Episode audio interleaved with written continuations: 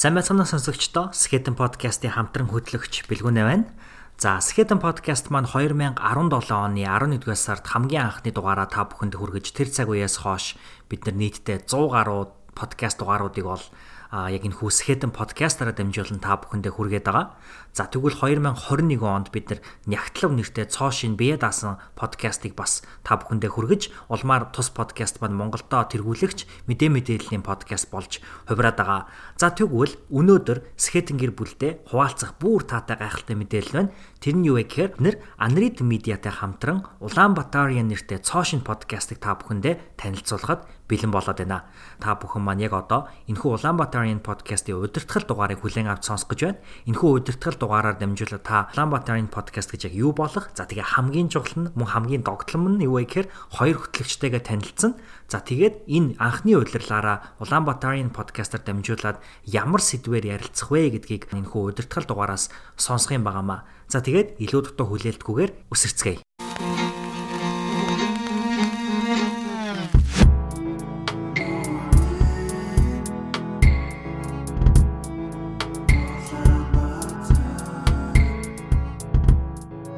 Хитэн медиа болон Анрид медиагийн хамтран бүтээсэн Улаанбаатарын подкастыг сонсож байна. Манай подкаст нэг талаас Улаанбаатар хотын иргэн тойронд өрнөж буй үйл явдал, асуудал, энэ хотын иргэн бүр мэдүүл зохих мэдлэг мэдээллийг олгож хотынхон эгэл иргэдийн түүхийг та бүхэндээ хүргэх зорилготой. Нөгөө талаас ирээдүйн хожид өнөө үеийн Улаанбаатарыг дурсах, танин мэдэх түүхийн архивыг бүтээх зорилготой 7 хоног тутмын подкаст юм. Бидний бэлтгэж буй подкаст танд нэгийг бодогдуулж, шин танилтаа өчрүүлж, тайвшрал, бодрол, эерэг дулаан мэдрэмжийг төрүүлнэ гэдэгт итгэлтэй байна. Ингээд Улаанбаатар ям подкастт тавтай морил Улаанбаатар хотод 10 цаг болж подкаст маань эхэлж байна. Тэгээ халуун кофе, цайгаа дэрэгтэй аваад бидний өнөөдрийн сэдвтэ хамт байгаарэ. Өнөөдөр хөтлөгчийн хчин дараа хоёр Улаанбаатарын подкастынхаа удирдгал дугаарыг хүргэж байна. Эхний дугаар юм чи юуны өмнө өөрсдийгөө танилцуулах нь зөв байх. А ингэч миний найз өөрийгөө танилцуулаад хэрвээ чи өөрийгөө нэг үгээр тодорхойлох бол юу гэж тодорхойлох байснаа хуваалцаач. Аа. За сая хэлсэнчлэн намайг ингэчин гэдэг. Тэгээ сэтгүүлч мэрэгчлээ. Тэгээ мэрэгчлэрээ одоо Монголын үндэсний олон нийтийн телевизэд ажиллаж байгаа. Тэг яг одоогоор бол соёл эрдэнэ гээд урлагийн нэвтрүүлэг дээр ажилладаг. Урлагч өөр айгуу гоё гэгээлэг штэ. Тийм болохоор нэг тийм ажил хийж байгаа юм шиг санагддггүй маа надаа. Гоё тэнд хэн үзээл тэ зураачийн бүтээл хараал гоё хөгжим сонсоол гэ явдаг тийм яг өөрийнхөө дуртай ажлыг хийж байгаа. Нэг үгээр тодорхойлооч гэвэл би сониуч гэдэг үгийг ашиглана. А яад гэвэл бидний ингээл эргэн тойронд маш олон үйл явдал, олон хүмүүс, тэ олон орчин гэд байдаг. Тэгээ энэ болгон яг хүн мэдрээд анзаарч чадвал тийм өөр өөрийн гэсэн юм өгүүлэмжтэй байдаг юм шиг санагддаг. Одоо жишээлбэл төвчрэлд явж байхдаа ч гэсэндээ тий ингээд цонхороо хараад үзвэл яг өөртөө чинь ижилхэн төвчрээ явж байгаа машинууд донд машин болгон дотор тийм юм өөр өөр амьдрал бас өөр өөр үйл явдал өрнөж байгааг харж байлтай шүү дээ. Тэрийг нь ингээл ажиглал суух надад аюу гоё сонирхолтой байдаг. Тэгээ энэ нь миний мэрэгжилт бас их хэрэг болт юм шиг санагдд юм аа. Би бас нэг хаяа ингэж боддөө шүү дээ. Ингээл одоо бидний амьдрал хэрвээ ингээд кино болвол одоо ингээд бэкграунд нь те ингээд арталт нь бас ингээл хүмүүс явж байгаа те тэр хүмүүс ч гэсэн өөрийнхөө өөрөө өөрийнхөө амьдралд гол дүрмтэй ингээл өөрийн гэсэн асуудалтай өөрийн гэсэн аа санаа зовх зүйлүүдтэй ингээд ингээд бүхэл бүтэн амьдрал миний зүгээр л зөрөөд өнгөрч байгаа энэ танихгүй хүний э, амьдралд байгаа гэж бодохоор ингээ хаяа амар сонир санагдаад идэв ш надаа. Аха. Тэгээ яг ингээд зөрч байгаа хүн болгон бас ингээд яг нэг өөр өөр цаг хугацаанд өөр өөрийнхөө одоо асуудал бэрхшээл ч гэдэг юм уу те жаргал зовлон гэдэг тулаа явж байгаа штеп. Тэр болгоно бас ингээд э, төдийлөн шууд харагдахгүй ч гэсэндээ ингээд таамаглахад тийм сонирхолтой санагддаг шүү дээ. Ингээл годамжаар зурж байгаа гэл нэг инээдээ барьж чадаал энийг л ганцаараа явж байгаа мөртлөө тийм хүмүүстэй бид нэр зурдаг даа. Тэр тийм гоё мэдрэмж төрөл ямар гоё зүйлийн хүний амьдрал болсон бол гэдэг тийм асуултууд цаашаа хөврөөлч юм уу те. Аха. Начиста гоё гоё харах үнцэг байна. За намайг дараа гэдэг. Тэгээд а би болохоор биолог, хүрээлэн боо орчин судлал гэсэн мэрэгчлээ. А одоо болохоор олон улсын байгаль хамгаалах байгууллагад ажиллаад 2 жил гарan болж байна. Тэгээд байгаль хамгаалахын байгууллагата бас нэгэн шинэвтэр талбарт нь ажилладаг гэхэд болно. Энэ нь болохоор хотын байгаль а ногоо хөгжил гэсэн энэ төсөл дээр координатораар ажилладаг. А тэгээд өөрийгөө би нэг үгээр тодорхойлвол айгуу тавтаргүй гэж хэлмээр байна өөрийгөө. Тэгээд юм болгон руу нэг тийм өсчээд ч юм уу туршиж үзэх сонирхолтой. Тэгээд тэр тэр тавтаргүй гэдэг зүйлээрээ бас өөрийгөө нэг тийм сүрэг зүйл гэж харддаггүй тэрийгээ. Тэгэл юмыг үзэл алдаал таалагдвал тэрийгэ барьж аваад хийдэг, таалагдахгүй бол тэгэл хайчдаг. Тэгээд э, юмыг барьж аваад хаяхтаа амархан. Тэгээд тэрэндээ нэг санаа зовдөггүй тэг ингээл өө яана тэрийгэ хийсэнгүү гэж санаа зовхгүйгээр хайчдаг. Тим төрлийн хүн гэж өөрийгөө тодорхойлно. Аа.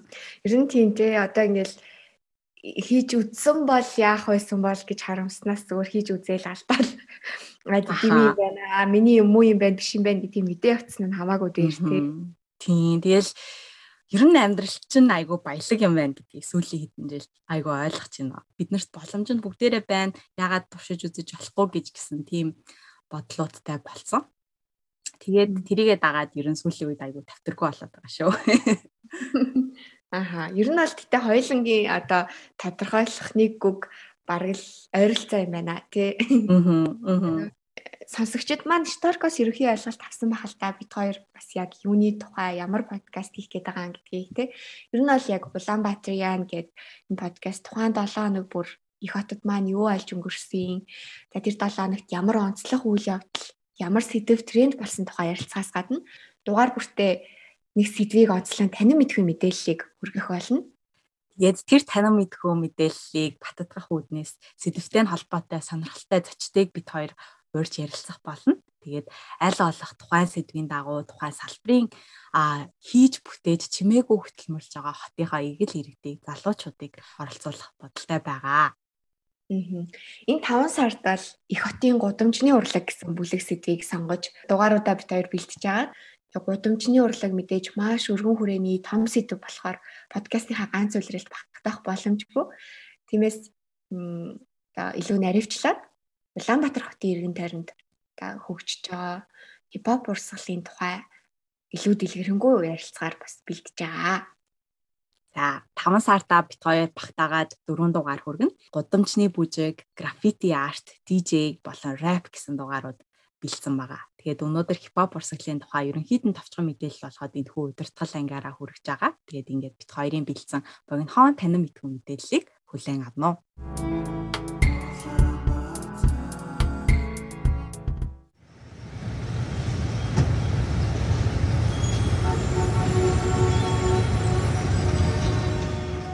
(1970 он) Нью-Йорк хот. Аль хэдийн дэлхийн хамгийн завгүй хот болсон Нью-Йорк хот бидний мэддгээр 5 дүрэгтэй. Staten Island, Brooklyn, Manhattan, Queens болон хотын хамгийн хойд зүгт нь орших Bronx хот. Bronx тухайн үед хотын хамгийн доргой дүрм байлаа. 1970-ад онд Block Party буюу байрнуудын дунд хөгжлөг бол тэр дүүрэгт 7 хоног тутмал байсан. Тэр дундаа хамгийн дөргөн Африк Америкууд болон Латин Америкууд. Тэр найрууд дээр DJ-нэр хамгийн чухал үүрэгтэй. Зритель наастартай сэтгэл хөдлөл маш өндөр ах үед нарын ч тавьж байгаа, хольж байгаа хөгжмүүд трийгээ дагаад маш хурдан хэмнэлтэй хурдтай болж байлаа. Ингээд нар битс хийдэг болж тэр бит дээр янз бүрийн соёлын шүлэглэл, өглөл орж ирснээр хипхоп урлаг үүсэж хөгжиж эхэлсэн байна.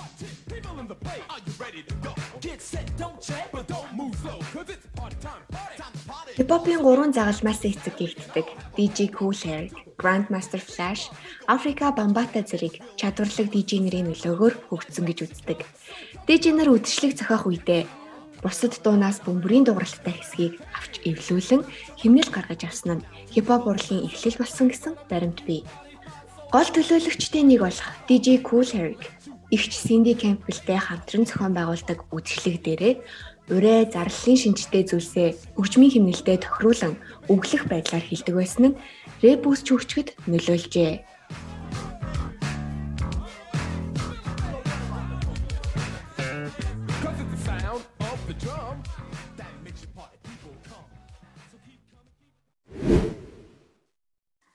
Хипхоп урлагт рэп, DJ, хипхоп бүжиг, граффити, цаашлаад хипхоп fashion, beatbox, beatmaking гэх мэт олон төрлийн элементүүдийг нэг доор нь энэхүү урсгал хамруулж болд юм байна.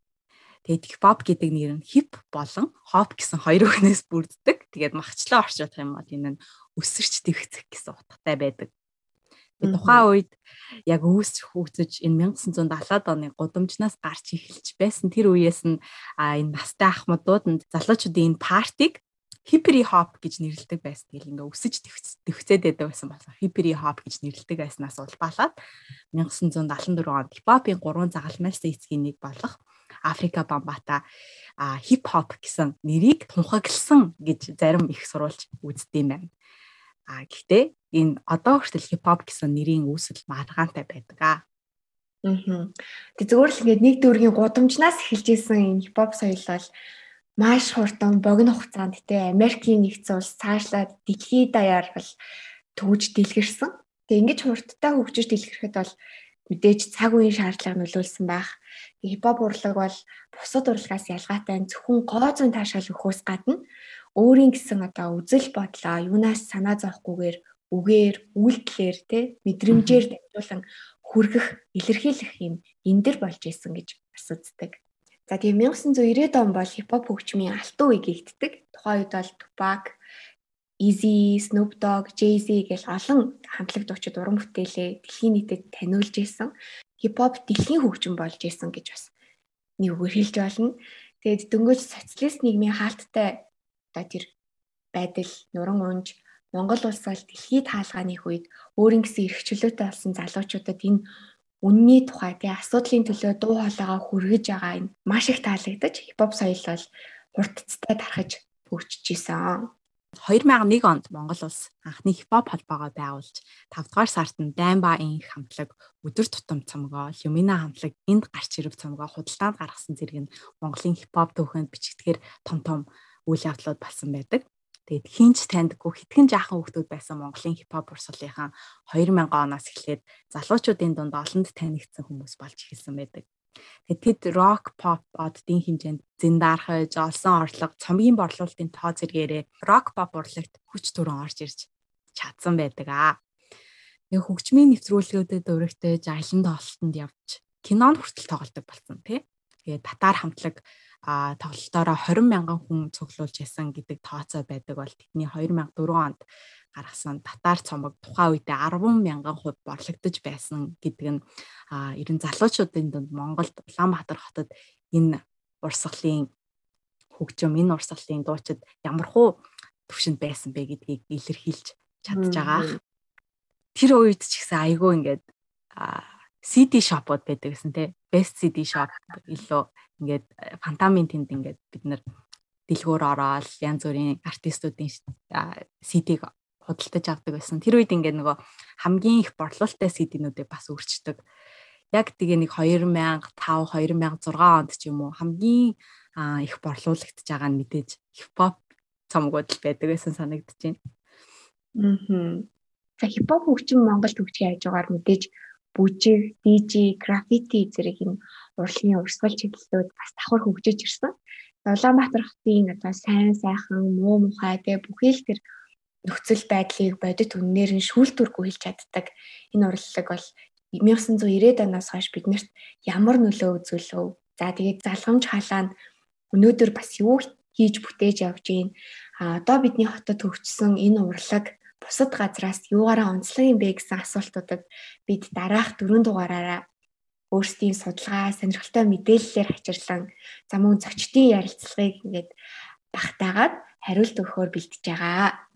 Бид хоёр ихний улирлын сэдвэрээ гудамжны урлаг тэр дундаа хипхоп урлагийн үндсэн дөрвөн элементийг сонгосон гэсэн цаашдаа Улаанбаатар хотод маань яригдах хэрэгцээ шаардлагатай, сонирхолтой, өгөөчтэй маш олон сэдвүүдээр дугаараа дугааруудаа бэлтгэн хүргэх болно гэсэн төлөвлөгөөтэй байгаа.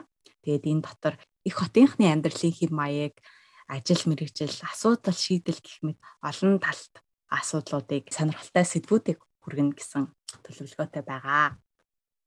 Тэгээд та бүхэн бас цаашдаа ямар сэдвийн тухай сонсомоор байгаа хүсэлтээ бид нэр үлгээж болно. Юм бол бид хоёр тухайн сэдвийн дагуу судлаад сонирхолтой зочдтой уулзуулж явах болно. Тэгээд бидний подкасттай хамт байгаарай.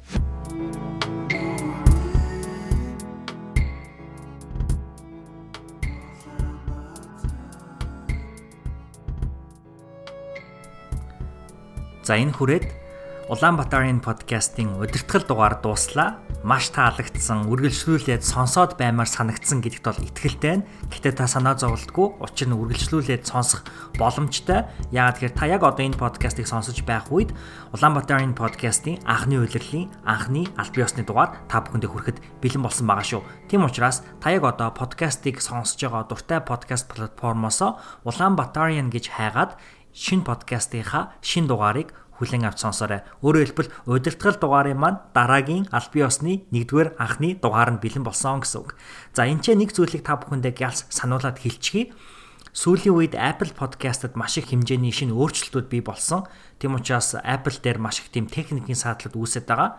А тэр нь ямар техникийн саадлал бидний зүгт үүсэт байна гэхээр та яг одоо Apple Podcast-аас энэ хүү подкастыг сонссон бол Улаанбаатарын гэд хайх юм бол подкаст маань олдно. Subscribe хийгээд follow хийх бүрэн боломжтой байгаа. Гэхдээ дугаар нь шууд хүмүүстэй хүрэхтэр бол нэлээд удаан хүлээлттэй байгаад байна. Гэхдээ магадгүй та яг одоо энийг сонсож явах үед тэр асуудал маань шийдэгдсэн. Шууд дугаараа хүлээж авах боломжтой байгаа байх. Аль эсвэл магадгүй арай шийдэгдээгүй Apple удаан хിവэрэ байгаад иж магадгүй.